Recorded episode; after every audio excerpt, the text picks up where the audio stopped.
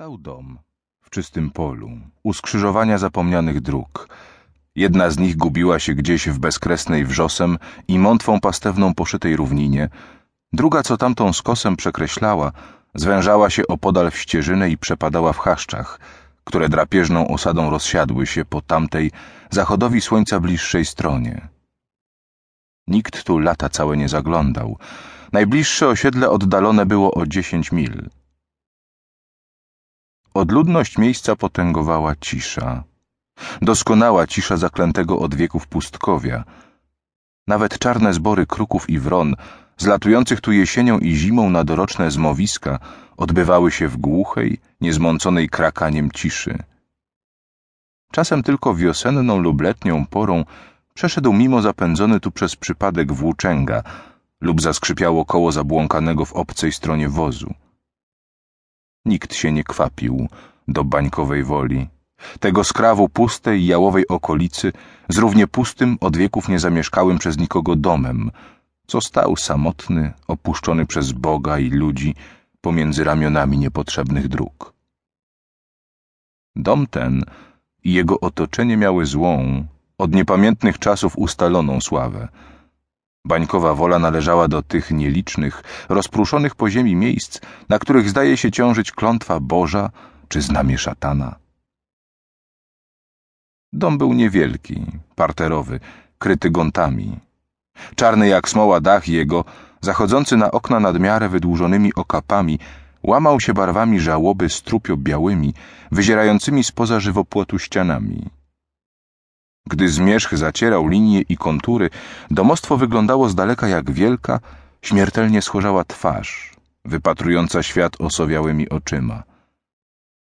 Czasem w godzinach wieczornych, chociaż w pustym wnętrzu nie było żywej duszy, dymiło z komina. Gęste burę kłęby wysiąkały z otworu szczytowego i staczały się leniwymi runami z dachów ogród. Jesienną porą wiatr hulał po otwartych na przestrzał izbach, zawodził w wąskiej, wydłużonej sieni i trzaskał z pasją drzwiami.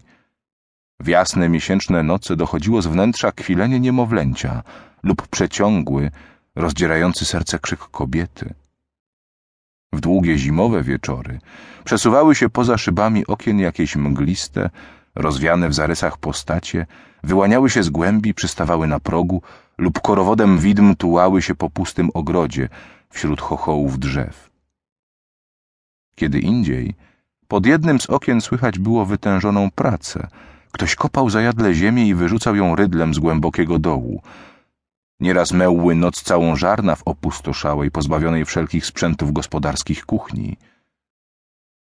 Ogród, rozciągający się dookoła domu, był dziki i zapuszczony. Pogarbione od starości jabłonie i śliwy, niepielęgnowane od lat przez nikogo, wypłonniały do szczętu lub rodziły owoce cierpkie nie do użytku. Poznikały do niepoznaki ścieżki, zarośnięte na głucho pokrzywą, piołunem i chwastem.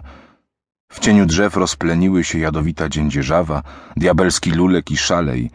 Pasożytowały niesamowity pokrzyk, tojad, blekot i czartopłoch.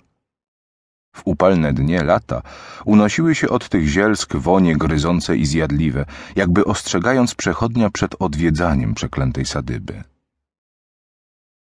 Gdy jesienny mrok zarzucał na ziemię płachty cieni i szedł przez pola krokami śniadego olbrzyma, drzemiąca przez dzień dusza ogrodu ożywała. Odzywały się szepty, westchnienia, czyjeś prośby, zaklęcia, rozlegały się odgłosy ciężkich kroków, to znów szelest ostrożnego stąpania lub nagły, głuchy stęk upadającego ciała.